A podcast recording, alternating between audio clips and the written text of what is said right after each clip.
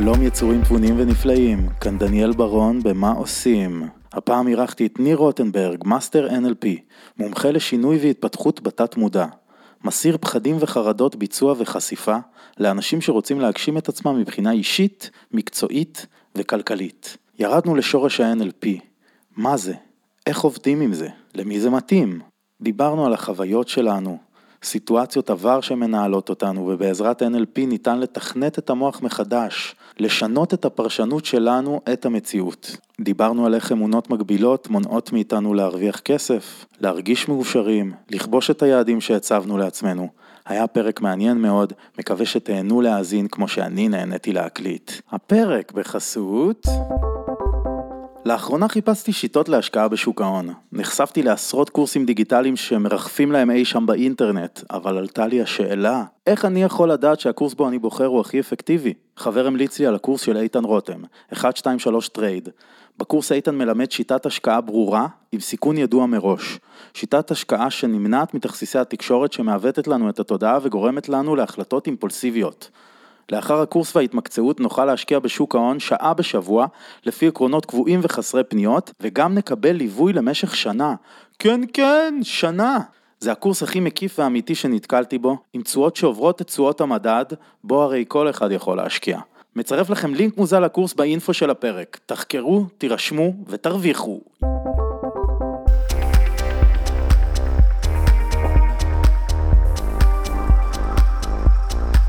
שלום מה עושים עם שובבים ויפים, מה קורה? אתם כאן איתי ועם ניר רוטנברג, מאסטר NLP, שאני מארח לשיחה על המון נושאים מעניינים. ניר, מה קורה? מה איתך? היי דניאל. מה אתה עושה בימים אלה? וואו, מה שאני עושה הרבה. א' כל, זו תקופה מאתגרת מאוד. אתה יודע, אנחנו יוצאים מסגר, נכנסים לסגר, ואני לוקח את, התקופה הזאת ככה ב... בפרספקטיבה שונה. אני, בכל סיטואציה ש, שיש לי, אני תמיד עושה זום אאוט, בוחן דברים, מה זה אומר, מה המשמעות של דברים. והזום אאוט הזה, אני חושב שהוא מאוד נכון לכולם. אנחנו לא רוצים תמיד להישאר בסיטואציות, אנחנו תמיד רוצים ככה לבחון אותם מכל מיני זוויות. והסגר והקורדיון הזה שככה נכנסנו אליו בשנה הזאת, זה, זה דבר פנטסטי לבחון תהליכים שקורים ברמה, אתה יודע. אז אני באבחונים. מה אתה מתכוון כשאתה אומר פנטסטי? כי אנחנו יכולים לבחון דברים שקורים לנו בחיים ואיך אנחנו מגיבים, והתקופה הזאת היא בהחלט תקופה מאתגרת, כי אני, מה שקורה שיש לנו תהליך חיצוני שכאילו נגזר עלינו, וכשאנחנו אה, בוחנים ממש ברזולוציה, אה, ממבט מלמעלה תסתכל על זה, איפה אנחנו פה? האם זה אנחנו באמת משמרים את התגובות שלנו שעשינו פעם, או שאנחנו אולי אפילו השתננו פה? ואני חושב שבני אדם תמיד צריכים לבחון את עצמם בכל סיטואציה. והשנה הזאת הייתה אחלה תקופה לבחון את עצמנו. אולי משהו השתנה בתגובות. ואם אנחנו שימרנו תגובות שאנחנו לא אוהבים, אז זה אולי מצב, זה זמן מעולה לשחרר אותם. נכון, הרבה אנשים שאני מדבר, מדבר איתם, וגם כל מיני כלכלנים, אה, מומחים וברשת וגם אורחים כאן, אה, מדברים על זה שזה בעצם מאיץ תהליכים כל התקופה הזאת, אז אני מרגיש שזה גם מאיץ תהליכים כלכליים, טכנולוגיים וכן הלאה, אבל גם מאיץ תהליכים רוחניים והתחברות וכל מיני תהליכים שהאדם יכול לעשות עם עצמו, בהתמודדות עם דברים, בתפיסה שלו עם עצמו. אני מסכים איתך, באמת זו הזדמנות ללמוד על עצמנו עוד, ואתה פה בשביל להסביר לנו בעצם על NLP, ובדגש על כל מיני אמונות מגבילות שיש לאנשים בנושא כלכלי, בנושא הכנסות, השקעות וכן הלאה. אבל לפני שנצלול ממש לקטע הזה, הייתי רוצה ידע כללי להדיוטות, וגם לי, שאני מחשיב את עצמי הדיוט בנושא הזה, NLP, מה זה? אז ככה, באמת אה, זה קונספט אדיר NLP, ובשנים האחרונות זה נהיה שלוש אותיות שככה כובשות את העולם לאט לאט. אבל NLP בכלל התחיל עוד בשנות ה-70. בואו בוא, בוא קודם כל נעבור בעצם על ההגדרה, מה המשמעות של האותיות האלה. אז N זה נוירו. כן. נוירו הכוונה בעצם לכל החיווט הכימי שיש לנו ממש במוח. התהליכים שקורים לנו, שאנחנו ממש לא שמים לב לזה, אבל כל מחשבה שקורית לנו היא תוצאה של תהליך כימי שקורה במוח.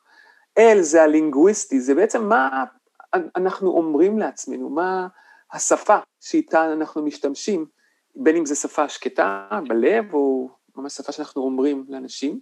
וה-P זה ה-Programming, איך אנחנו מתכנתים, איך אנחנו מגיבים בהתבסס על כל הפרשנויות שלנו וכל מה שאיבדנו מסוג כל מיני סיטואציות. ו-NLP בעברית זה ניתוב לשוני עצבי, נקרא לזה ככה.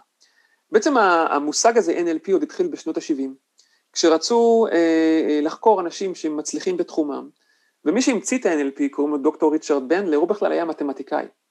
ויחד עם עוד איש מחשבים בכלל, הם הגיעו ל- ל- להבנה שיש מתכון להצלחה. זאת אומרת, אנשים מצליחים, לא מצליחים סתם ככה. יש להם ממש שיטה, mm. שיטה הם מתפעלים את המוח שלהם, וכל אחד יכול להגיע ולמצות את כל הפוטנציאל. וזה היופי פה, וזה לא משנה מאיפה אתה בא, מה ההורים שלך עשו, או אפילו איזה טראומות חווית. וכשמיישמים את ה-NLP, אנחנו רואים שהוא יעיל לכל תחום ותחום בחיים שלנו. אם זה בתחום הזוגיות, אנחנו ממש יכולים לדעת איך אנחנו מפרשים כל מיני משפטים שאומרים לנו, איך אנחנו מגיבים למשפטים, מה זה אומר עלינו, מה זה אומר על הצד השני, האם יש לנו באמת יכולת השפעה, והתשובה היא כן. אנחנו יכולים להשפיע כמעט, א' כל על עצמנו, וגם על אחרים. וזה קורה בעצם הודות לתת המודע. אתה יודע, יש לנו דבר קטן שמנהל אותנו, שקוראים לו תת מודע. ולמה זה כל כך חשוב להבין כן, אותו? כן. כי תת מודע בעצם זה סוג של, תחשוב, אתה זוכר את הקלטות של פעם? בטח. שהקלטנו דברים, קסטות כאלה, ולטייפ, כן, ככה בטח. זה תת מודע. הכל הוקלט, והכל זכור לנו שם, באותה קופסה. וכל סיטואציה שאי פעם חווינו, אנחנו יכולים לשלוף, חלק מהסיטואציות יותר קל לשלוף, חלק פחות, אבל כשאנחנו שולפים אותם, אנחנו ממש יכולים אה, אה, לדעת שמה שחווינו פעם, בהרבה מהמקרים, אתה יודע, לצערי, מנהל את רוב האנשים. NLP גורם לך ממש לשנות כיוון. ואף על פי שזה הוקלט לך בתת המודע, זה לא מחייב שאתה עדיין תתנהג כפי שהתנהגת פעם. הרבה סיטואציות עבר מנהלות כן. אותנו, ואנחנו רוצים ממש לשנות את התקליט, ופה זה הפרוגרם, אנחנו רוצים לתכנת את המוח שלנו מחדש, אף על פי שיש לו איזו הקלטה מסוימת במוח, ויחד עם ההקלטה הזאת עדיין אפשר לעשות דברים אחרים. אנחנו לא רוצים לשכוח, אבל אנחנו רוצים להתנהל מחדש. וזה זה נשמע mm. כאילו מילים גבוהות ובומבסטי, אבל כשאנחנו מתכנתים את המוח שלנו מחדש, וזה גם לא, לא הכוונה פה להיפנוזה, פשוט הפרשנות שלנו משתנה. גם לאירועי עבר ואפילו mm. טראומות. אנחנו לא יכולים ממש לנטרל טראומה או לשכוח אותה, אבל אנחנו רוצים את הפרשנות mm. שלנו ואת האופן שאנחנו חווים אותה בהווה, לשנות, וכשאני משנה את זה בהווה זה יכול להשפיע על העתיד שלי. ולא סתם יש NLP לעסקים ו-NLP אה, אה, להצל, להצלחה ב, בתחום, ה, נקרא לזה הקוגניטיבי, לילדים שמתקשים בבית ספר אפילו, יש גם שיטת הוראה על בסיס ה-NLP, כל תחום בחיים שלא תיקח, אם אתה מיישם את הדבר הזה, אתה יודע, זה הכל, הכל בראש, וזה באמת ככה. ו... כן, עכשיו אמרת שהחבר'ה האלה שהמציאו את זה, אמרת ריצ'רד בנדלר אחד, כן. ועוד מתמטיקה. כן, בנדלר. דילס. כן. עכשיו, מה זה הדברים האלה שהם מצאו אצל האנשים המצליחנים האלה בגרשיים? מה, איזה תכונות הם מצאו בהם, איזה הסתכלות הם מצאו בהם שהם אמרו, או, oh, זה הדבר הזה שמוביל okay, להצלחה. אוקיי, אז מן הסתם כל אחד היה אה, טיפה שונה ביכולת שלו לממש את ההצלחה, אבל הם הגיעו להבנה שהפרשנויות, או המחשבות שהם נותנים להם, לעצמם בראש, הם לא מתאהבים במחשבות. אתה יודע, הרבה מאיתנו מתאהבים במחשבות האלה, בעיקר השליליות, ואנחנו הופכים את זה להרגל. מה שיפה באנשים האלה, הם בחנו הרבה, אה, אה, וירג'יניה סאטיר למשל, שהייתה עובדת סוציאלית, הם ראו שיש לה יכולת ממש לשנות את אופי המחשבה שלה, בכך שהיא תמיד חושבת מחשבה מקדמת אחרת. אה, הם בחנו את מילטון אריקסון למשל, שהוא היפ, היפנותרפיסט, מאוד מפורסם היה, וראו שיש לו יכולת לשכנע גם את עצמו במילים שהוא עצמו מדבר. זה, ולכן ה-NLP שם דגש על הקטע הלינגוויסטי, השפתי פה. אני מאוד מתחבר לעניין השפה של NLP. אה, אני יכול לתת לך דוגמה למשל. אה, אני תמיד אומר שאל תגידו את המילה אה, אני מקווה. הרבה אנשים אומרים אני מקווה שיהיה בסדר. נכון. לכן אני אומר, תגידו אני מצפה. זאת אומרת, מילה קטנה שעושה יותר טוב. כי זה יותר סיכוי שזה יקרה בעתיד אם אתה מצפה נכון. לזה מאשר אם אתה מקווה לזה. נכון, או למשל, נגיד לא לשאול שאלות כמו למה למשל, זו שאלה שאנחנו לרוב לא שואלים בכלל ב-NLP. אם אתה תשאל למה, לא סביר, ש... לא סביר שאתה תקבל תשובה הגיונית. אוקיי. אמיתית. אז איזה שאלה אתה שואל ב-NLP? כן. ב-NLP אנחנו הרבה פעמים נשאל את השאלה שהיא איך. איך ניתן לבצע משהו אחרת? אוקיי. או מה אפשר ללמוד ממה שקרה. תמיד לחשוב באופן מקדם, ולא באופן מאשים, כי כשאנחנו אומרים למה למשל זה מאוד מאשים, וזה משפיע על תת המודע. כל דבר שאנחנו אומרים נכנס, תזכרו, לתוך הקסטה הזאת שיש לנו בראש, תת המודע. ואם נחשוב למה ונגיע לתשובה, מתישהו נספק לתת המודע את התשובה הזאת, את הלמה הזה, אז ברוב המקרים נגיד, כי אני, לא יודע, כי אני דפוק, אוקיי? תת המודע ינהל אותנו בהוויה שאנחנו דפוקים. פשוט ככה. כן, אני גם מאוד מתחבר, יש לי גם קטע מאוד חזק עם uh, לשון ועם השפה. גם למדתי פילוסופיה של השפה באוניברסיטה, שם הם קצת מסבכים את כל העניין, אבל גם בפילוסופיה של התודעה אומרים שהשפה מרכיבה הרבה מהתודעה, הרבה מהתודעה נשען על השפה, כי זה הדרך שלנו להבין את העולם הרבה פעמים. מלבד לחושים, אתה מאוד שם לב שאם אתה חוזר על המחשבות הרפיטטיביות והן שליליות, אתה תהיה גם כלפי חוץ מאוד שלילי ומאוד קשה עם עצמך ואז גם עם הסביבה. נכון.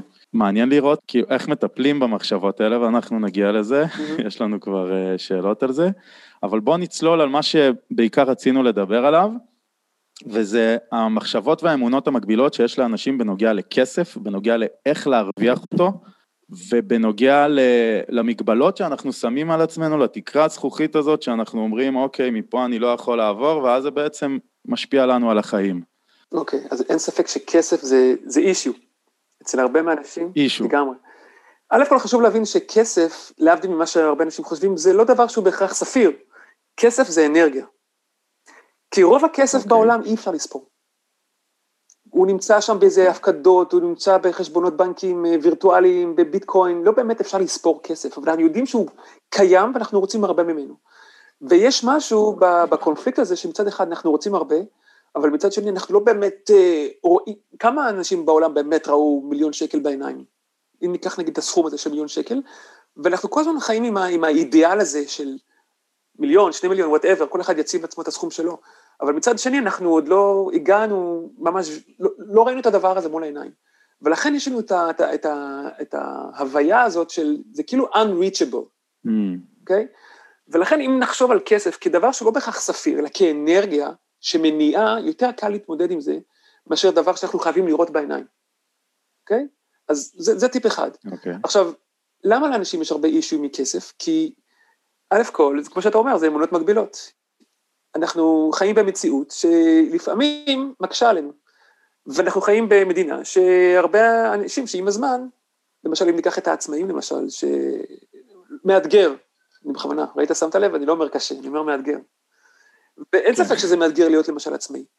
ואני נתקל בהרבה עצמאים ובעלי עסקים שבאים אליי ואומרים לי, קשה לעשות כסף בישראל, אוקיי? או על מנת להצליח בטח. צריך לגנוב.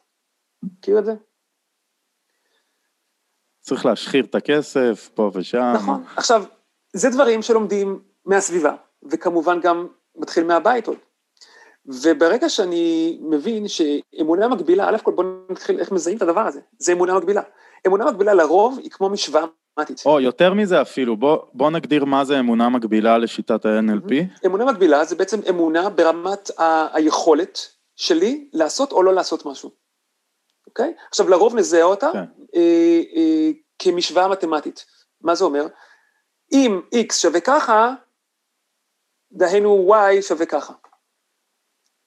למשל, אוקיי. אה, אם אני רוצה להצליח, אני חייב לעבוד קשה, למשל. כן, עכשיו, לפעמים זה נכון, לפעמים גם זה לא, לא בהכרח נכון. אתה יודע, היום דווקא אפשר לעשות כסף קל באינטרנט. כן. למשל, אה, כדי להצליח צריך לגנוב. או כדי לעשות כסף צריך לגנוב, לשמוע יותר טוב. אז ברגע שאני מבין שאני אומר פה איזה סיבה בתוצאה, או כל אחד ייקח את זה לאיזה משוואה שהוא רוצה, זה, פה כבר אנחנו מתחילים להבין שזה משוואה, אה, אה, שזה אמונה מקבילה. עכשיו, אמונה מקבילה, ברגע שאני מטפל בזה ונקרא לזה, לא יכול באמת לעקור אותה, אבל אני יכול להרדים אותה ולהחליף אותה באמונה מקדמת יותר. כמו שאמרתי, אי אפשר באמת להסיר משהו מתת המודע, אלא פשוט, אני קורא לזה הר געש, יש לנו הר געש רדום והר געש פעיל, אנחנו רוצים להרדים ולהפעיל הר געש אחר, יותר מעצים. Mm. יחד עם זאת, גם כשאני נותן אמונה מקדמת יותר, אני עדיין לא עשיתי את כל העבודה. כי מה שחשוב זה אמונת השורש. ולכן כל טיפול NLPיסטי לא יטפל באמונה המקבילה, למשל בכסף, אלא יחתור לאמונת השורש. מה זה אומר? שבן אדם אומר לעצמו, שנגיד קשה להרוויח כסף בישראל, בתשאול נכון, אני יכול להבין שכנראה הוא חושב על עצמו שהוא אה, אה, טיפוס שהוא אה, נמנע, או שהוא פחדן, או שהוא לא טוב, או שהוא מזויף, או שלא טוב לו, או שלא רואים אותו, אולי הוא שקוף. זאת אומרת, אני אחפש אמונה ברמת הזהות. ולכן כל אמונה מקבילה היא נגזרת של אמונת שורש ברמת הזהות. אז נשמע מפוצץ, אני יודע, אבל צריך להבין את המדרג פה. אוקיי, okay, בוא ניכנס לשורש. אם אני עכשיו שומע את הפודקאסט הזה, כן. ואני אומר, לא, וואלה, לי אין בעיות עם כסף, אז כאילו, אני רוצה לשמוע איזה מחשבות אתה כן שמעת שאתה חושב שזה גורם לאנשים לסבול מאמונות מקבילות על כסף. לדוגמה, אתה אמרת את זה יפה, כסף אה, עושים מעבודה קשה או משהו mm-hmm. כזה, למרות שאני לאחרונה שומע הרבה את המשפט, כסף לא עושים מעבודה קשה. מעולה. ואני גם יותר מאמין בו, כי זה מה שאני רואה. מעולה. אני לא רואה את הפועל האחרון באתר הבנייה שוחה בכסף, פשוט כי הוא נורא עסוק כל הזמן והוא מרוויח מעט. Mm-hmm. אז איזה עוד מחשבות שעכשיו מאזינים ששומעים את זה, יוכלו להזדהות איתם ולהבין שאולי כן יש להם איזו אמונה מקבילה שהם צריכים לפתור? קודם כל, ברגע שבן אדם מחפש לעצמו סיבות למה לא, אמ, למשל, אה, מישהו שחושב שהוא ייקח לו זמן, שהוא יעשה את הכסף שלו, אבל לוקח לו זמן. ואז הוא, הוא מתרץ את זה, אה, זה, זה לוקח לי זמן, אני בונה את עצמי. אוקיי. כן. למה אתה מחכה? זאת אומרת, אם אתה כל כך טוב במה שאתה עושה, אז, אז איפה התוצאות? אבל אנחנו מנסים לתרץ את זה באלמנט הזמן לפעמים, או יש לי סידורים, או יש סגר, או כל מיני דברים כאלה, ואז כבר אנחנו מכניסים תירוצים לעשייה שלנו. ותירוצים זה באמת דבר שאנחנו לא רוצים אה, אה, להיכנס. אני אומר שזה נורא אבל מפחיד עכשיו, אם אני נכנס לעולם של ה-NLP ובכלל החקירה האישית, הנפשית, כל אחד, חקירת האינדיבידואל, נורא קשה לפעמים להודות בזה שאתה פחדן, שאתה לא מאמין בעצמך מספיק, שאתה חושב שלא רואים אותך, זה קשה לקבל את זה, זה גם הרבה שיטות רוחניות, אז הדבר הראשון שבאמת הרבה אנשים אומרים זה קודם כל קח אחריות. כל מה שקורה לך בחיים זה אתה, זה לא אף אחד אחר. Mm-hmm. וזה נכון, אבל זה קטע שהוא נורא קשה, איך אתה ממליץ לעשות את זה, לה, להגיע לאחריות הזאת? אז א' כל לפני שאני בכלל מתחיל את התהליך בחיפוש אותה אמונת שורש, כמו שציינת, אני פחדן למשל, אני אומר להם שהם עומדים לתת לעצמם מתנה. זה באמת ככה, ברגע שבן אדם מודע למה שמנהל אותו, הוא הביא לעצמו את המתנה, כי אנחנו חיים בעולם הזה שנים על גבי שנים ולא, ולא מבינים. אתה יודע, לא תמיד בן אדם מודע שזאת אמונת השורש, זה צריך תשאול נכון כדי להבין את זה. יש כאלה שבאמת יודעים מה מנהל אותם, ויש כאלה שצריכים טיפה יותר הכוונה. אבל ברגע שאני יודע מה אותה אמונה, אני נותן, נותן לאותו מונחה ממש מתנה. ומפה אפשר ממש לעשות עבודת שורש של הסרת אותה אמונה והטבעה של אמונה אחרת. וזה תהליך, אין ספק, משמעותי, עוצמתי, יכול להכניס את הבן אדם לדאון, אבל מיד אחרי זה הוא גם משנה אותו לגמרי. Mm. ועכשיו זיהיתי איזו מחשבה כזאת, זיהיתי איזו אמונה מקבילה, לצורך העניין אני אומר, לוקח הרבה הרבה שנים לעשות כסף, אני צריך לשים בצד קצת, השקעה לטווח ארוך, ריבית דריבית, ועוד עשרים שנה יהיה לי כסף. לצורך העניין זה האמונה המקבילה שלי. מה השיטות לשנות האמונה הזאת? איך אנחנו בעצם כל. מבצעים את זה בפועל? אז, אתה, אז אני מציע ל, ל, לכל אה, מי שיש לו באמת אמונה מקבילה, שהוא מזהה, אם הוא מתחיל ממש לדבר במשוואות, כדי לעשות X צריך ככה, או על מנת משהו יוצא Y. פשוט לשאול את עצמו כמה שאלות. א' כל, האם זה באמת נכון? האם זה במאה אחוז הוא מאמין לאמונות האלה? כי יש אנשים שסתם אומרים, אבל בחשיבה יותר מעמיקה, הם מבינים שאולי, אולי סתם אני אומר את זה, אולי הכל חרטא. האם באמת, באמת אותה אמונה בכלל מבוססת על ניסיון עבר? האם זה ניסיון... שנייה, אז רגע, בוא, mm-hmm. אני רוצה להציב את זה בדוגמה שאמרתי, לצורך העניין אמרתי, לעשות כסף לוקח המון שנים והרבה זמן. Mm-hmm. אז אני שואל את עצמי, האם לעשות כסף לוקח המון שנים והרבה זמן בהכרח, mm-hmm. כאילו איך אני שואל את זה כדי לבטא, כאילו... פשוט לשאול את השאלה הכי פשוטה, האם באמת זאת אמונה נכונה? ואם אתה עדיין אומר mm-hmm. כן, אתה יכול לשאול עוד שאלה, האם זה נכון בכל המקרים? מה, אני לא מכיר mm-hmm. אנשים שעושים כסף באופן מהיר? אף פעם לא שמעתי? מכיר. ברור שיש. שמעתי. אנחנו פשוט הרבה mm-hmm. מהמקרים, אנחנו אוהבים להכליל, זה עוד אלמנט ב-NLP, שזה generalization. המוח שלנו לא נכון. לא יודע להתנהל אחרת, אנחנו חייבים להכליל דברים. אחרת אנחנו נהיה overload. ליצור כללים, כן, נכון, אני מסכים. אוקיי. עכשיו, האם באמת אותה אמונה מבוססת על ניסיון עבר אישי? יש כאלה שסתם שמעו איזה. מישהו. אוקיי, כן. לא תמיד- לא תמיד. או נגיד ההורים, הרבה פעמים הורים, מהמם. כל מיני דודים, משפחה, אנשים מבוגרים שאתה מכיר, אתה רואה, אוקיי, הוא לקח להם הרבה הרבה שנים, Mhm. לצורך העניין. אוקיי. אז גם אם, אם התשובות שאנחנו נקבל הן באמת תשובות שוואלה, לכאורה אה, מסכימות עם אותה אמונה, בסדר, בוא, בוא נתמודד עם זה. אנחנו לא יכולים לברוח. יאללה. שאלה הבאה, אני יכול אה, להמליץ על אילו תחושות, קודם כל, אתה מרגיש שאתה מבטא את אותה אמונה. אנחנו חייבים להתחבר לתחושות שלנו, ולא לברוח מזה. זאת אומרת, אם אני מרגיש פחד, אני כותב, אני מרגיש פחד. אימה, whatever. אני חייב ממש... אוקיי. ל- אני מרגיש באסה כשאני אומר את המשפט, לעשות כסף לוקח הרבה שנים. מעולה, אז תכתוב באסה, אנחנו חייבים אבל לכתוב את זה. כי אוקיי. אם הכל נשאר באוויר, זה, זה לא עובד. אז אמ, אתה אומר כל השיטה הזאת היא חייבת להיעשות עם דף ומחברת? שוב, בר- ברמת, נקרא לזה העזרה הראשונה, מה בן אדם יכול לעשות לעצמו, אני ממליץ שכן. אוקיי? כן. שאלה הבאה, אני יכול לשאול אותו, אה, שהוא ישאל את עצמו את הנכון, האם אתה בכלל מאמין שהאמונות האלה שלך משרתות את ההצלחה שלך? סביר להניח שהוא יכתוב לא. אוקיי. לא, אוקיי? כן. סביר להניח. וכמובן גם למה לא, או למה כן. זאת אומרת, אני חייב רציונל, זאת אומרת, זה לא מספיק, כן או לא. אתה יודע. כן. אמ, שאלה מאוד משמעותית, איך ייראו חייך ללא האמונה המקבילה הזו? ופה כבר זה טיפה יותר אה, פותח את התודעה, למה שעתיד לקרות, לכל האפשרויות להפעיל שיש. את הדמיון, לגמרי, להפעיל את הדמיון. הכי רחוק שיש, כן. הכי רחוק. אמ, אחד הדרכים להפעיל את הדמיון, אתה יודע, אנחנו או ויזואל, לא, או, יש לפעמים אנשים שהם גם וגם וגם. ויזואלים, אלו אנשים שרואים וחווים את הסיטואציה לפי אה, תמונות, לפי צבעים. יש אנשים שהם יותר אה, אודיטוריים, הם צריכים לשמוע דברים. יש אנשים שהם יותר קינסתטיים, צריכים להרגיש. אז כשבן אדם מדמיין איך יראו חייו ללא האמונה, ממש לפרוט את זה על גבי החושים האלה. מה אתה תרגיש, מה אתה תראה ומה אתה תשמע. ממש לעשות מיקס של כל הדברים האלה, זה מעצים את החוויה. אנחנו רוצים ממש להיכנס לתודעה של שינוי. אמ, אנחנו אחרי זה נחזור לאותה אמונה, לאותה משוואה שהצגנו קודם, ופשוט אנחנו נחפש הפכים. למשל, מי שאומר, אה, אין לי ניסיון ולכן אני לא אוכל למצוא שום עבודה. מכיר את ה... מאוד פופולרי, כן. בעיקר אצל חבר'ה צעירים מאוד. שמסיימים צבא נגיד ורוצים אה, לעבוד, אבל כן. אין להם ניסיון. אז פשוט למצוא סוג של היפוך באותה אמונה. למשל, במקום להגיד אין לי, אין לי ניסיון ולכן לא אמצא עבודה, פשוט להפוך את זה. מציאת עבודה תלויה בי. למצוא את הדרך החיובית לבטא את אותו משפט. וברגע שאני יודע שזה תלוי בי, גם אם אין לי ניסיון, אני בכלל מוריד את הקטע של הניסיון פה מהמשוואה. האחריות היא שלי למצוא אוקיי. עבודה. מישהו שאומר, אה, אף אחד לא מקשיב לי ולכן אין לי יכולת השפעה על החיים שלי. פשוט למצוא כן. את ההפך הגמור. יש אנשים שמקשיבים לי, או אני משפיע על חיי. לקחת אחריות פה, לראות איפה אני במשוואה הזאת, זה קצת מתקשר לתירוצים. אנחנו לא רוצים להשליך את זה על הסביבה, על סיטואציות, על הקורונה, הכי קל, יש קורונה, אין, המצב קשה.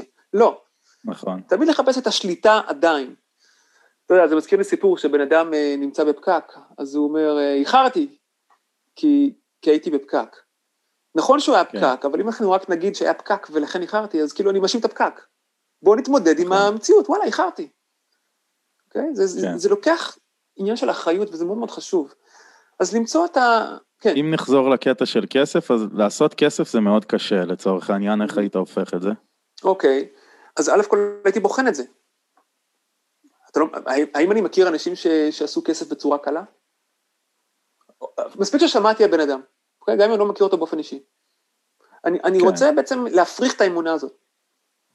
האם אני בטוח בכלל ש... אני גם רוצה להתמודד עם זה שאני אצטרך לעשות דברים, כאילו שום דבר לא בא בחינם, שום דבר לא בא ללא עשייה, זה נכון. גם חשוב לזכור אבל זה, שים לב לא? מה קורה פה, אנחנו מנסים לייצר לנו מעין אה, הכנה.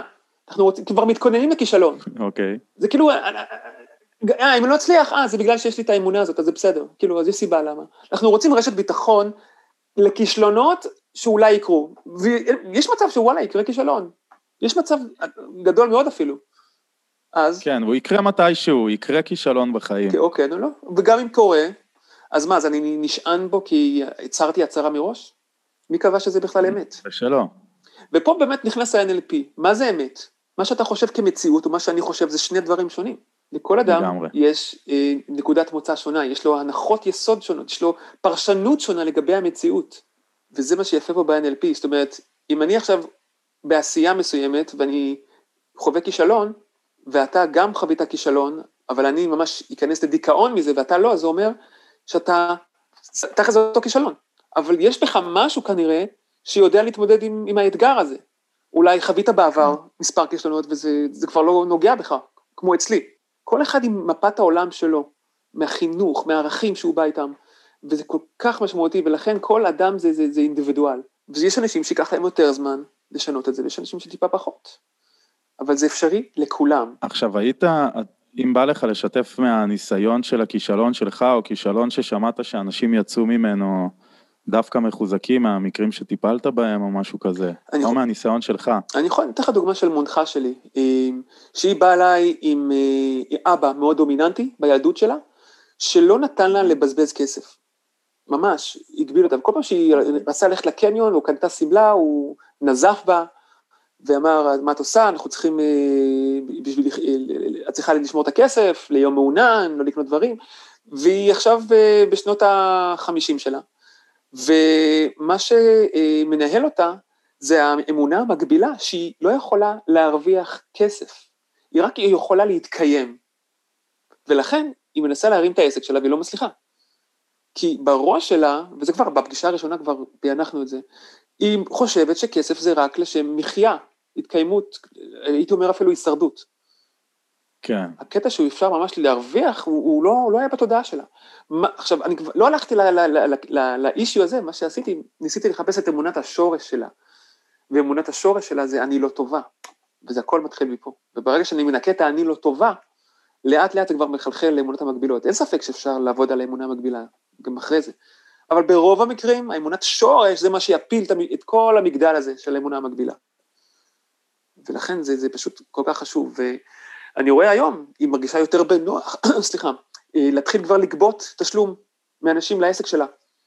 היא מרגישה יותר Mm. בנוח כבר להתחיל לעבוד בשיווק, כי היא יודעת שאם היא תעשה שיווק, היא תקבל תוצאות. ועד עכשיו זה לא היה לה בראש.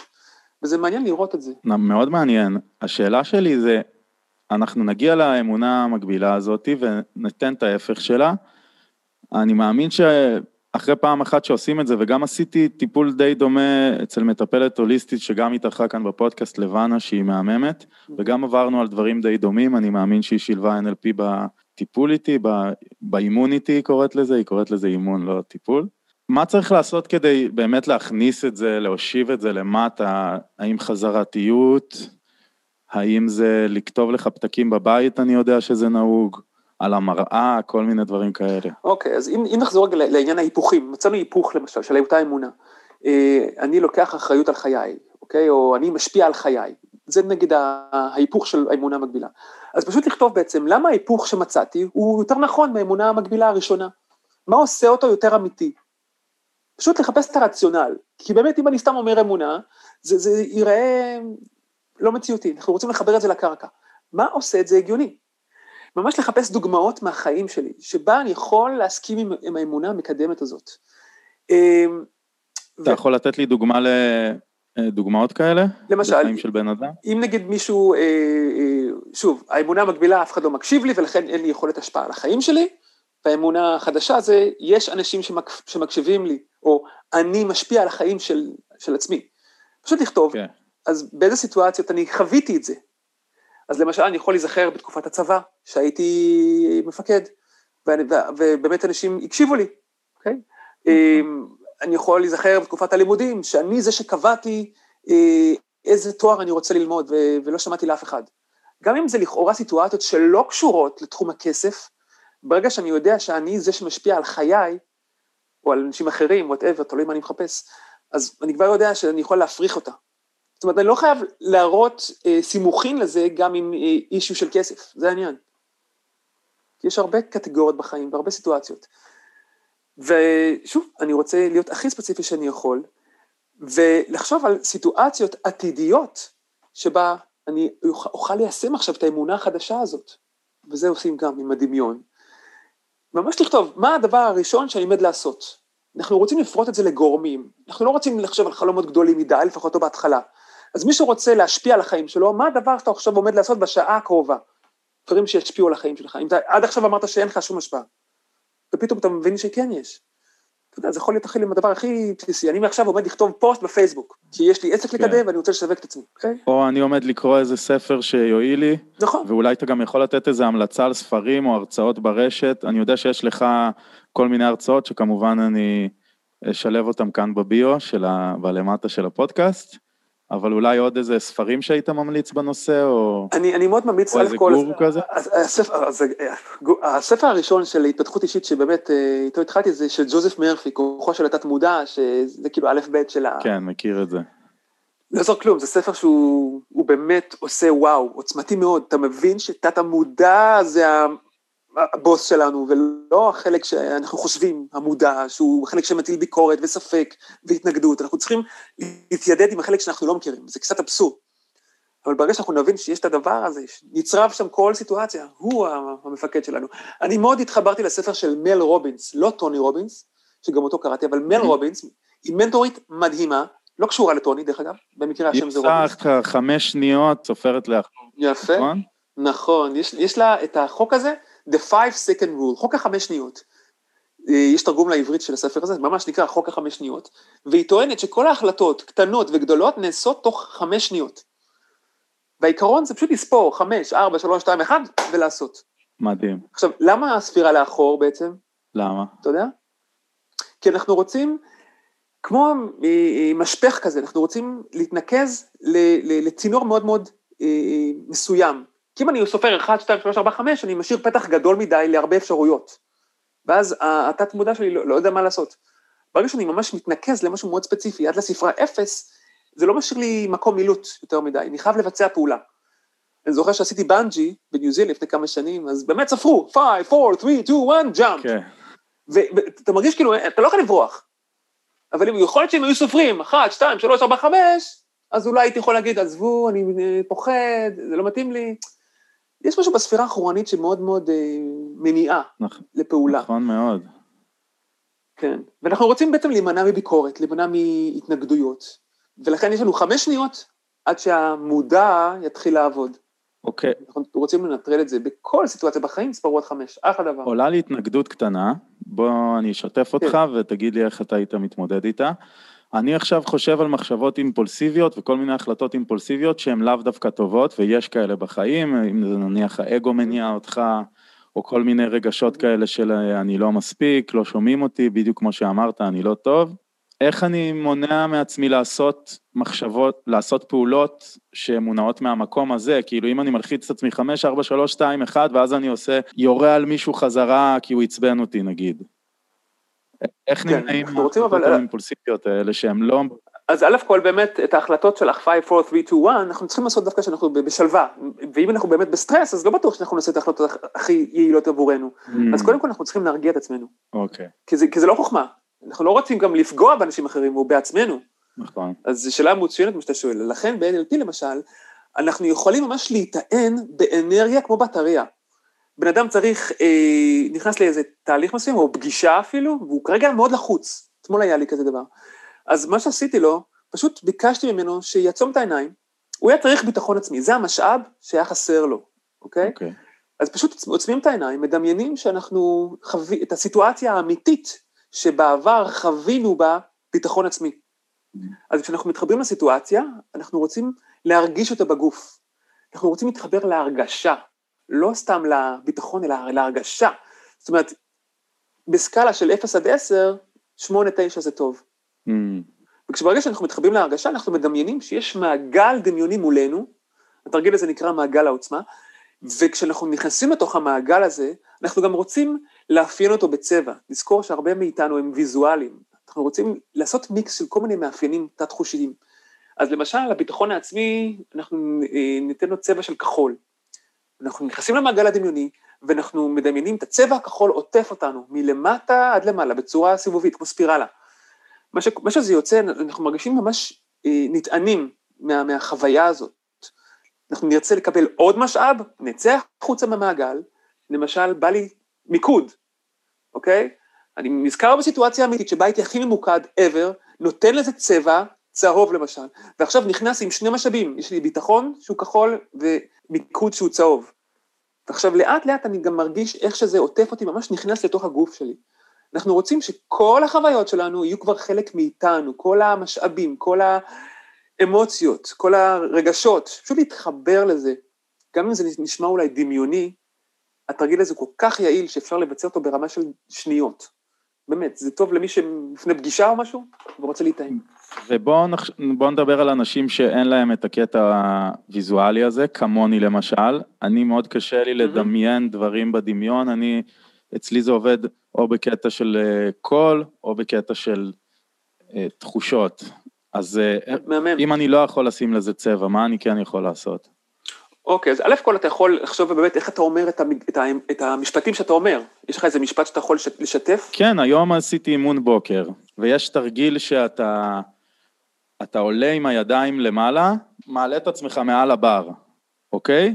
אוקיי. זה תרגיל מאוד קשה, באמת לוקח הרבה זמן לעשות אותו, להגיע מלמטה ולהעלות את עצמך עד למעלה. ל- ליד אחורית. גם יד אחורית, וזה גם באמת, עושים את זה גם על טבעות. כן. ואני נלחם עם זה, אני אומר, בוא, אני גדול מדי, אני, אני בן אדם גדול, קשה לי להרים את עצמי, זה להרים עכשיו 88 קילו של גבר, והידיים עדיין לא יכולות לעשות את זה, ואני כל הזמן, ספציפית עם התרגיל הזה נלחם, ועם מתח, כל התרגילים האלה. זה נגיד מחשבה, מחשבה מקבילה שיש לי שאני יודע אותה.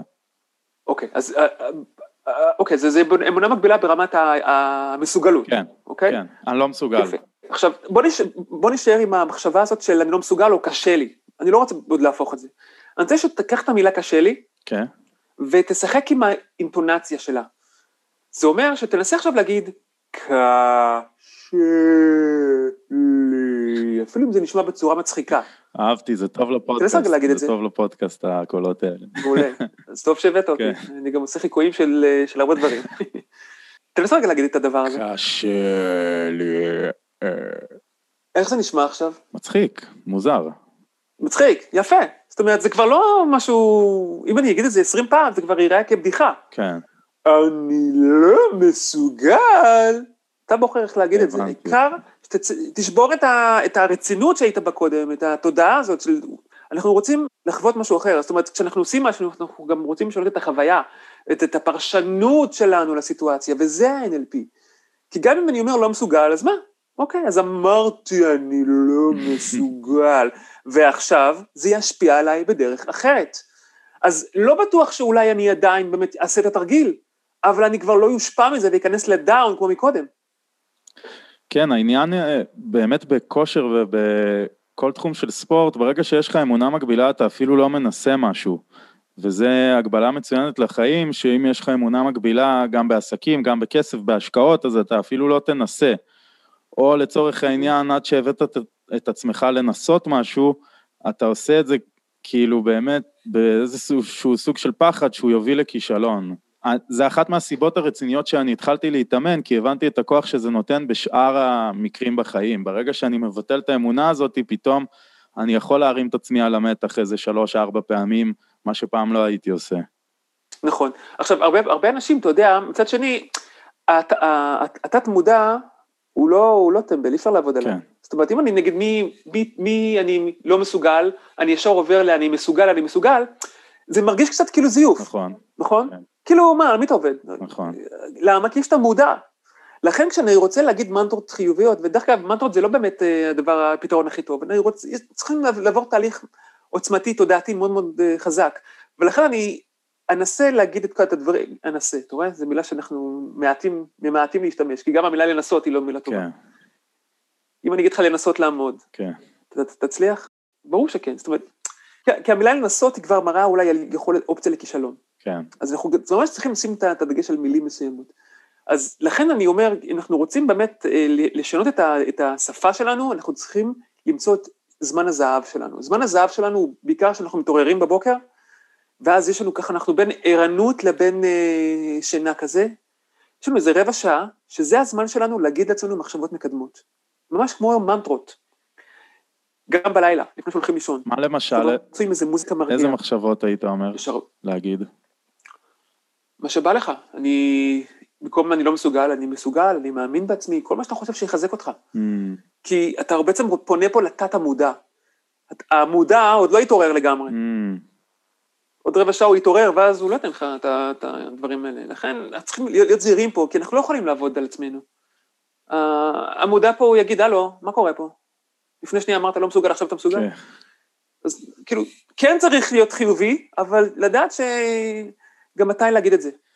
אנחנו צריכים ממש להיות בתודעה של רפיון, אה, רפיון חושים, להרגיש שאנחנו רוצים לקבל אה, הסעות כאלה. בעיקר בהשקעות ובעולם הכלכלי יש כל מיני מקרים שאתה מפסיד, אם אתה מפסיד כסף, אם אתה מפסיד איזה עבודה, משהו כזה, איך לשיטת ה-NLP או לשיטתך מתמודדים עם חוסר הצלחה או מתמודדים עם הפסד בשביל להמשיך קדימה בכל הכוח ולא, ושזה לא יבטא לי איזה תחום שלם בחיים כי הפסדתי פעם אחת.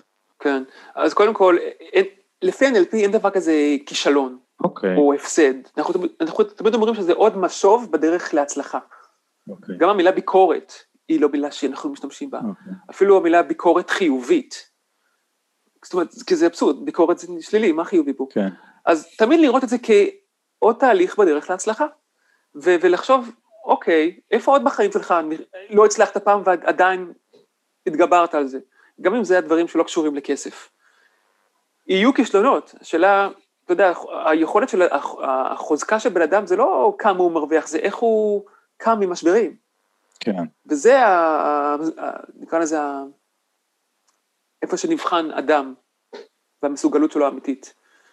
אז איך מתמודדים עם זה? זה- ב- לצורך העניין עכשיו שמת כסף על איזה מניה, לצורך העניין כן. דיברתי עם איתן רותם בפודקאסט שעבר, שהוא משקיע בחסד והוא גם מורה וזה, והוא, אצלו יש שיטה שהוא מראש, הוא כבר מחשב את הסיכוי שלו להפסיד לעומת הסיכוי לנצח, ואז הוא גם שם גבול להפסד שלו, הוא יודע מראש, גם אם הוא יפסיד, כמה הוא יפסיד. זה לפי דעתי שיטה מעולה להתמודד עם זה, כי אתה לוקח את זה נכון. בתור התחלה בחשבון. מה השיטות נכון. לעשות את זה ב-NLP? לא הצלחת משהו, אז תראה, לא עבד. אוקיי, אז, השאלה, מה, מה אתה עושה עם זה? לאן אתה לוקח את זה? אה? חמישי, כן. ולא הצלחת, לא, שוב פעם לא קיבלו אותך. מה אתה עושה? אוקיי. אז א' כל, יש לנו נטייה גם להגיד, אה, הם לא, לא בסדר, קודם כל להשיב. נכון. קודם כל לראות איפה אתה, יכול להיות איפה, אולי דברים שאתה אמרת, אתה יודע, לא, לא, הכי, לא, לא היו מיטיבים עם, ה, עם הארגון שאליו הגעת. אז קודם כל להבין שזה, שההשפעה היא בנו. וכשאני מקבל את, ה, את התשובה השלילית, אני צריך לראות, רגע, מה, מה קורה לי? אני מזועזע מזה? נגיד שכן. כן. מה אני יכול לעשות הלאה? זאת אומרת, אלו דברים טובים, קודם כל נזכר בדברים הטובים שיש בי, כי אם אני רק אזכר בכל הלא שאמרו לי, ברור שזה יוריד אותי. עכשיו, אני יודע שזה נשמע כמו קלישאות, שתמיד אומרים, תחשוב חיובי, אבל זה לא יעזור כלום, ככה זה. אנחנו תמיד צריכים להיזהר בדברים הטובים, במשאבים שיש לנו. כי לא הלך אצל הבוס הזה, ילך אצל הבוס הזה, זה פשוט ככה.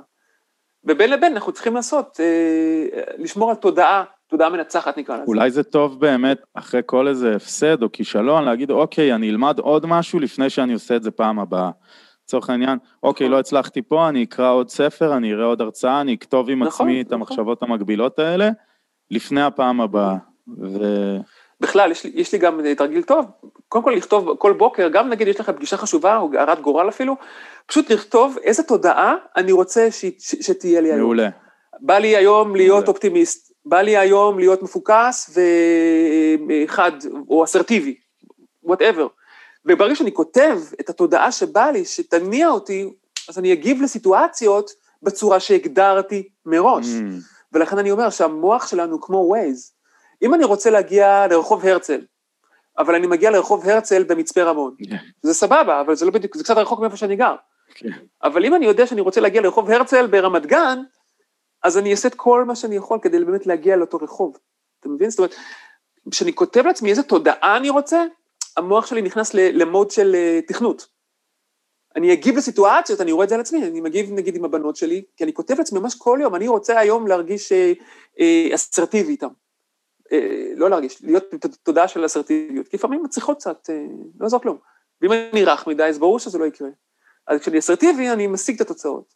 או אם אני ממוקד יותר, אני, יש לי סדר יום יותר בנוי. אני מאוד אוהב את הנקודה הזאת, וגם גיליתי אותה בשנים האחרונות, בעקבות באמת הרבה ספרים והרצאות בנושא, והאימונים לבנה. לפני שיחות חשובות, כמו שאתה אומר, במיוחד אם אני עושה את זה עם עוד שותף, אנחנו עומדים לדבר עם איזה ארגון או מה שזה לא יהיה, אנחנו כותבים מה המטרות של השיחה, איך אנחנו נרגיש, מה אנחנו מוציאים מהשיחה הזאת, ובאמת, בעיקר אנחנו אומרים מה אנחנו הולכים להוציא מהשיחה. והרבה פעמים לפני שהייתי עושה את המהלך הזה, הייתי אומר, אוקיי, יש לי עכשיו שיחה עם אה, זה וזה, אני פשוט מתקשר והכל בסדר. זה מאוד עוזר ברגע שאתה מתכנן את זה מראש. מה אני אוציא מהשיחה הזאת? מה אני אתן בשיחה הזאת? איזה ערך אני אתן? מה, מה יקרה אחריה? זה מפקס את כל השיחה וזה כמעט ב-99% מהשיחות באמת מתכוונן לאן שהחלטנו את זה מראש. נכון. זה... זאת אומרת, אם אני ברעיון עבודה ואני רוצה להגדיר לעצמי, המטרה שלי אתה יודע, אני לא יכול להשפיע, וזה הדבר היפה פה, ב-NLP אנחנו יודעים שאנחנו לא יכולים להשפיע על הצד השני בהכרח לעשות משהו. Mm. כי יש לצד השני את הפרשנויות שלו ואת העולם שלו, ואם היה לו יום לא טוב והוא קם עצבני, אז אתה יודע, אבל אנחנו כן יכולים לכוון למטרה בכל מה שקשור לשליטתנו. זה נקרא מעגל ההשפעה. מה אני, אם אני רוצה להתקבל לעבודה, מה תלוי בי? אז אני יכול להתלבש יפה, תלוי בי. אני יכול להגיע בזמן, תלוי בי, אם אני אצא מוקדם, כן. אני יכול להגיד את הדברים שהוא רוצה לשמוע, כן, אני יכול לבוא מוכן עם שיעורי בית, תלוי בי. זאת אומרת, כל דבר תלוי בי, בגדול. כן. מה שקורה אחרי זה, אין לנו השפעה. גם בתהליך NLP, דרך אגב, אם אני עושה תהליך לבן אדם, אבל הוא בא סקפטי, הוא אומר, לא, לא, שום דבר לא משפיע עליי. או אני ניסיתי כבר הרבה מטפלים, וזה לא עובד, אני לא מאמין בדמיון, בדברים האלה, מה זה החרטא הזה? אז כן, זה לא ישפיע. נכון. זאת אומרת, מידת הפתיחות והקבלה וההכלה, לא יעזור כלום, אנחנו צריכים אה, לדעת ש, שצריך שניים פה לטנגו. אבל אה, לפחות נרקוד לבד. אם הצד השני, הצד השני לא בא לו לרקוד. כן. ודיברנו על זה כבר, אבל אני רוצה לשים על זה עוד דגש, כי זה באמת נושא שמאוד חשוב לי, וזה השימוש בשפה, וכבר דיברנו על לנסות ועל לקוות. כן. מה ה-NLP, איזה מילים הן כן מטיבות, בואו בוא אולי נצא מפה, אני אוהב שהמאזינים יוצאים מפה עם איזה כמה דברים שהם יכולים ליישם מיד אחרי הפודקאסט. והשימוש במילים זה משהו שאתה יכול ליישם עכשיו, בוא תיתן לי כמה מילים אה, שכן משנות מציאות, אוקיי. שמועילות למציאות. אז א' כל, יש את התחום של. דיברנו קודם על אנשים שהם קינסתטיים, תחושתיים, אודיטוריים, שזה שמיעתיים או ויזואליים, וזה דבר מאוד חשוב, למה? כי אם אני רוצה להשפיע, כן, על מישהו, אני יכול לדבר בשפה שלו. זאת אומרת, אם אני מזהה למשל שאתה אודיטורית, סביר להניח שאתה תשתמש בהרבה מילים כמו מצלצל, נשמע, אה, מדבר, זה לא מדבר אליי, זה נשמע טוב, כל מיני דברים כאלה. אז אני יכול לדבר ממש בשפה שלך. מה כן יכול לדבר עליך? על אה, בוא, בוא נצעק את זה ביחד, או מה הווליום, כל מיני דברים, מילים שקשורים לעולם השמיעה, נקרא לזה. אנשים שהם ויזואליים, שזה רוב האנשים, אז אני יכול לדבר עליהם בשפה שלהם, מה מוצא חן בעיניך, mm. איזה צבע היית רוצה. אנשים שהם תחושתיים, מה מתאים לך, איך זה מרגיש לך, ופה כן אנחנו יכולים בהחלט להשפיע על מישהו אחר, זה קצת אה, אה, לא, מניפולציה, אבל בסדר, מותר, אפשר גם לקחת מניפולציות, הכל טוב.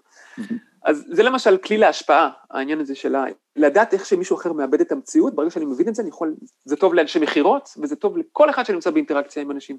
ומה איתי עם איך שאני מקבל את המציאות, להשפיע על עצמי בקטע של, נגיד, במקום לנסות ובמקום לקוות, מה אפשר להגיד? אז אני, אז אני מאוד אוהב להגיד, אני מצפה. כן. אני מצפה שזה יקרה, כי אז זה בעצם מחויבות. עכשיו, מילים נגיד כמו אני רוצה, שזה נחמד, או אני צריך, אני צריך לעשות. אם אני אומר אני צריך, איך זה נשמע לך? כאילו הכריחו אותך כאילו זה מישהו אחר אמר נכון, לך את זה. נכון, אבל אם אתה אומר אני חייב, או אני בוחר לעשות, כל אחד ימצא לעצמו את מה שמתאים לו. נגיד אני בוחר לעשות, אני מאוד אוהב. כן. כי זה, אני, אני שם לעצמי מחויבות פה לתהליך. Mm. אני שם את עצמי, זוכר שדיברנו על השפעה פה, איפה אני משפיע פה? כן. אני בוחר לעשות משהו, אף אחד לא הכריח אותי. המילה רוצה היא נחמדה, אבל העניין הוא שהרבה אנשים רוצים דברים, אני רוצה את זה ואני רוצה את זה, ועדיין זה לא קורה. לכן תנסו אולי למצוא מילים יותר משמעותיות מ"אני רוצה". אז אני, אני בוחר לרצות, זה גם בסדר, או אני חייב, או חייב לעשות, או חייב אה, שזה יקרה. אמ, גם כשאנחנו מציבים מטרה, אנחנו תמיד רוצים לדבר במונחים כאלה, לשים את, את עצמנו. נגיד, אם מישהו רוצה אה, להשיג משהו לשנה הקרובה, אז במקום להגיד, אני רוצה אה, שאנשים אחרים יתנהגו אליי ככה, או אני רוצה שיהיה לי בית, שוב, תשים את עצמך פה במשוואה. אני קונה את הבית. אני מדבר עם אנשים בדרך שהיא תטיב אה, איתם ואיתי. זאת אומרת, תמיד לקחת אחריות פה גם על המטרות שלך. Mm-hmm. אתה רוצה עבודה? אז פשוט להגיד, אני משיג את העבודה הזאת. לא לקחת אחריות, לשים את האחריות אצל הבוס שלך, שייתן לך העלאה. כי אז אתה לוקח את זה עליו. Mm. אז תמיד לדבר בזמן הווה מאוד מאוד חשוב, בייחוד שאנחנו מגדירים מטרות. אני משיג, אני מבצע, אני... וואטאבר. אז אתה אומר שגם הקטע של הווה זה בעצם מאוד מאוד חשוב. מאוד, מאוד, כי תת המודע שלנו הוא לא יודע שום זמן אחר מלבד הווה. Mm-hmm. אם אתה תגיד לו, אני אלך, או אני... זה לא, הוא לא מבין מה זה אומר. כן. אני הולך, אני קונה, להגיד את זה כעובדה בשטח. אני עושה, כאלה מה עושים. כן, נכון. וגם כמובן לא להגיד את המילה לא, שזה כאילו האלף-בית של התת מודע. אם אני אגיד לך, תעצום את העיניים, כן. ואל תחשוב על, אה, לא לחשוב על פלברות. כן. למה? כי תת המודע חי... הוא עובד בדימויים, אנחנו חייבים להיזכר בתמונה, ואז לקשר כל מיני אלמנטים. כן. אז הוא חושב על פיל ורוד, ואז מנסה להבין את המילה לא, איפה היא נכנסת. כן. זה לא עובד. ממש. זה חשוב, אהבתי את זה. אל תחשוב על שמיים. אוקיי, שמיים. כן.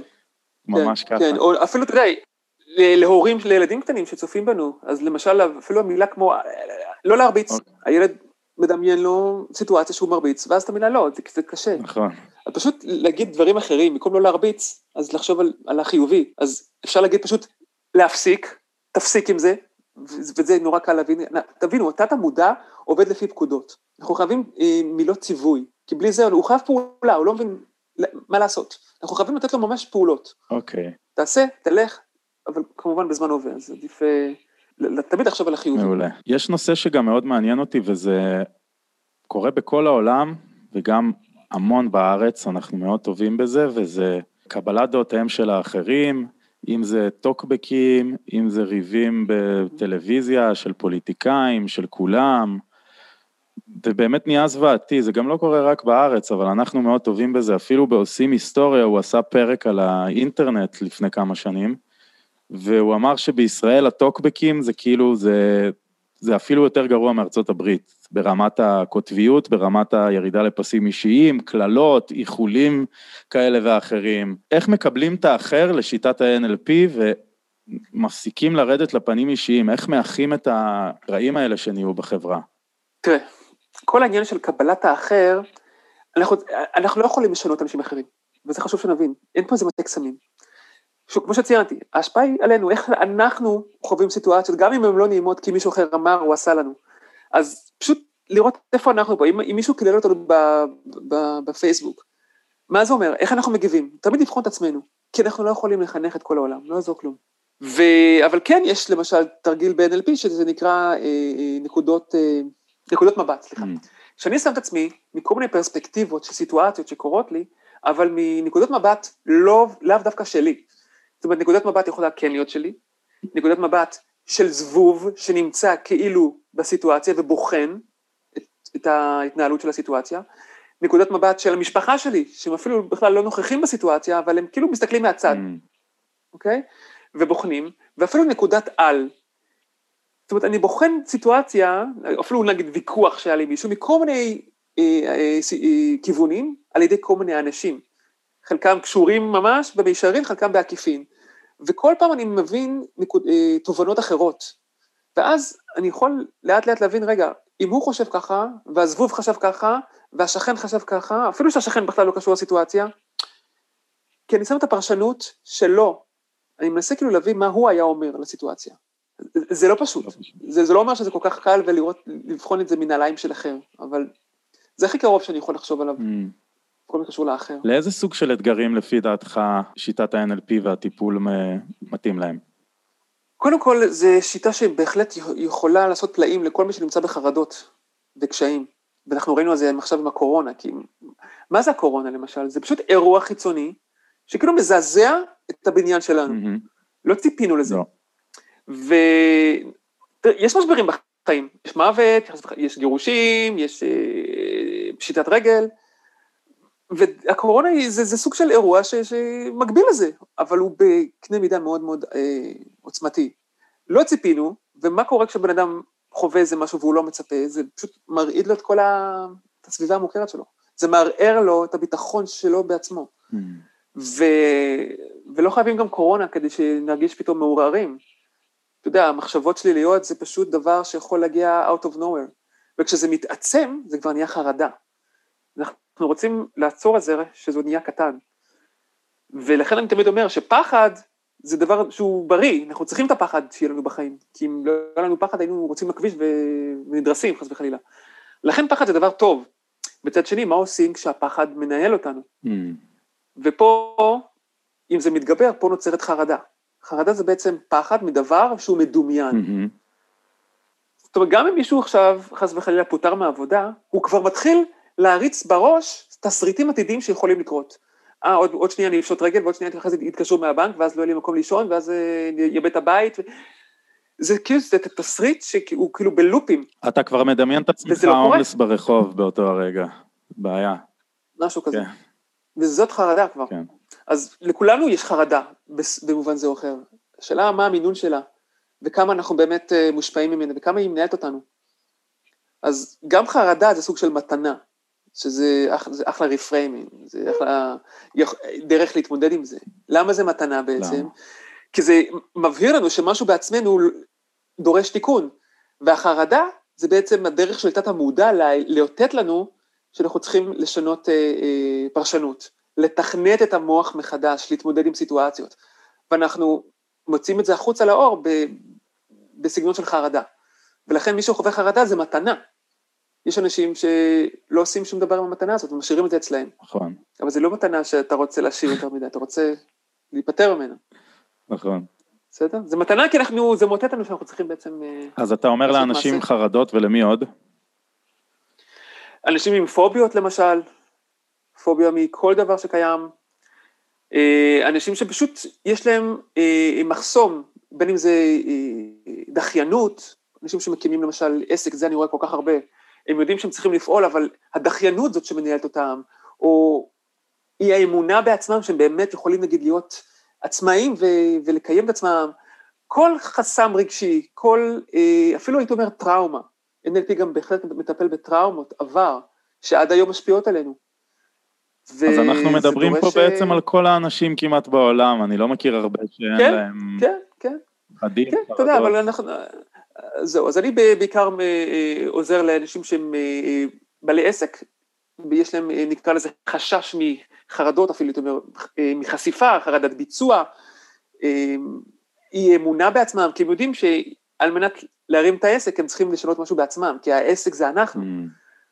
ולכן כשמטפלים על אה, חסם רגשי, זה, בעקיפין זה גם משפיע על, על, על יכולת כלכלית שלנו, כי זה משפיע על כל כך הרבה רבדים, זה כמו דומינו. ותהליכי NLP הם לרוב מאוד מאוד מהירים. אתה יודע, להבדיל מפסיכולוגיה, שבפסיכולוגיה אנחנו מקלפים עלה, עלה, עלה, עלה, איך היו יחסים עם האימא, איך היו יחסים עם האבא. ב-NLP זה לא קורה. זאת אומרת, אנחנו לא מתעכבים בטראומה או בחוויות עבר יותר מדי. האישיו זה פשוט להוציא בן אדם מסטייט אחד לסטייט אחר. כמה זמן זה לוקח? זה כאילו אומר לגעת... כמה זמן זה לוקח? זה תלוי. תראה, זה תלוי, אני לא יכול לקבוע מראש כמה, תוך כמה זמן בן אדם ייפטר מהחרדה שלו. יש כאלה שתוך ארבעה מפגשים, יש כאלה שתוך שני מפגשים, זה מאוד אינדיבידואלי. אנחנו רוצים לפרק את אה, אמונת השורש, כן. אבל לפעמים זה גם לא מספיק, יש כל מיני דברים שמנהלים אותנו מלבד האמונה, כמו ערכים שלנו. כשבן אדם רוצה להקים עסק למשל, אבל יודע שהערך שמנהל אותו זה ערך של, אה, ערך שהוא לא חופש, בסדר? נקרא לזה, אין לי עכשיו איזה ערך, ערך בראש. מישהו רוצה להקים עסק, אבל יודע שזה מתנגש לו עם ערך החופש, בסדר? שהוא מאמין בו. כן, הוא רוצה להיות חופשי, אבל הוא יודע שזה יגזול ממנו מלא זמן. יש פה קונפליקט. איך אני יכול להיות עצמאי עם לדעת שרגע, עצמאי זה בעצם חוסם לי את החופש. אנחנו צריכים פה גם לעבוד על הערכים שלנו, ואולי לשנות את הפרשנות שלנו לגבי מה זה חופש. זאת אומרת, יש פה גם עניין של איך אנחנו חיים עם הקונפליקט, וכשבן אדם חי עם קונפליקט, זה, זה, אי אפשר להכיל את זה לאורך זמן, בסוף זה מתפוצץ. Mm, נכון. אז יש פה הרבה היבטים שצריך uh, לדעת, שמע, נפש, נפש האדם זה דבר, דבר מורכב. הכי מורכב, זה מערכת מורכבת. מאוד. חקר מערכות מורכבות. מה לדעתך הכי חשוב לעשות בימים אלה כדי לשמור על חוסן כלכלי, מחשבתי, נפשי ובריאותי? הדבר, כאילו, אתה יכול לתת לי שלושה דברים שבאמת כאילו לדעתך חשוב לעשות, אפילו אם הם קשים, דווקא עכשיו עם כל הקורונה וכל הבעיות והבחירות וכל הווג'ע ראס. אוקיי. אני אתן כאלה טיפ כזה שאני יכול לחשוב עליו out of the blue. תעשו כל פעם דבר אחד שלא עשיתם אף פעם. כל יום דבר אחר. זאת אומרת, אפילו זה מתבטא בדברים הכי בסיסיים. למשל, לקום בבוקר למשל. הקימה בבוקר זה, זה, זה קטע אצל הרבה אנשים. נכון, בייחוד שקרה עכשיו. נכון, נכון, קשה. הטיפ שלי, תקומו כל פעם בסגנון אחר. פעם אחת תתחילו לדלג בבית, פעם שנייה תתחילו לרוץ, גם אם זה בתוך הבית, פעם שנייה פשוט תתחילו לשיר יודל. יודל אי, נשבע לך, לפעמים אני עושה את זה, זה כיף לא נורמלי. האמת שזה נשמע טוב, זה נשמע טוב. תקשיב, זה, זה, למה בעצם אנחנו צריכים את השינוי הזה? כי אנחנו, המוח חייב זעזוע.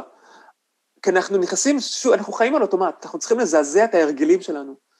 אסור לנו להתאהב בהרגלים. אתה רוצה ככה שורת מחץ? לא להתאהב בהרגלים שלנו. יש הרגלים שאנחנו מאוד, מאוד צריכים לשמר אותם, כמו אלה שרצים בחמש בבוקר, אני מצדיע להם, כל הכבוד. כן. זה אחלה הרגל, אבל אם זה הרגל של, אתה יודע, קפה, טלוויזיה, אנחנו מתאהבים בזה. ואנחנו חושבים ש... שזהו, לא. לא להתאהב בהרגלים שלנו. לפתח הרגל אחר, שאנחנו נעשה משהו משמעותי. שנזין את עצמנו במשהו. האם לדעתך זה נכון להחליף אה, הרגל אחד באחר, לצורך העניין, כאילו ליצור התמכרות אחרת, זו השאלה שלי. לצורך העניין, אני עשיתי את זה במודע, אמרתי, אוקיי, אני עכשיו במודע מתמכר לספורט ועושה את זה יום-יום, כי אני יודע שזה יוביל אותי למקום כן. טוב, לעומת שחטות, טלוויזיה, וואטאבר. כן. זה נכון, mm-hmm. לפי השיטות של ה-NLP? או שלא מדברים כן, במונחי התמכרויות בכלל, כאילו...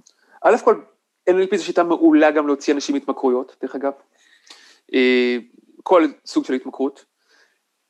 אבל כן לעשות את השינוי אה, אחד תמורת אחד, אבל במידה. זאת אומרת, אם נגיד ראית טלוויזיה שעתיים ביום, אתה לא רוצה עכשיו לעשות ספורט שעתיים ביום. כאילו, אתה יודע, אנחנו צריכים במינון. כן. ולאט לאט זה כבר, הטלוויזיה כבר ייעלם. יופי, אז אני כך, אז, אה, כן. אז אני ככה מסכם את, את המפגש המעולה הזה. ואני רוצה לשאול אותך, מה המסר שלך לעולם, לכל המאזינים, דווקא בשעה יפה? זאתי בבוקר, בתקופה הלא פשוטה הזאתי?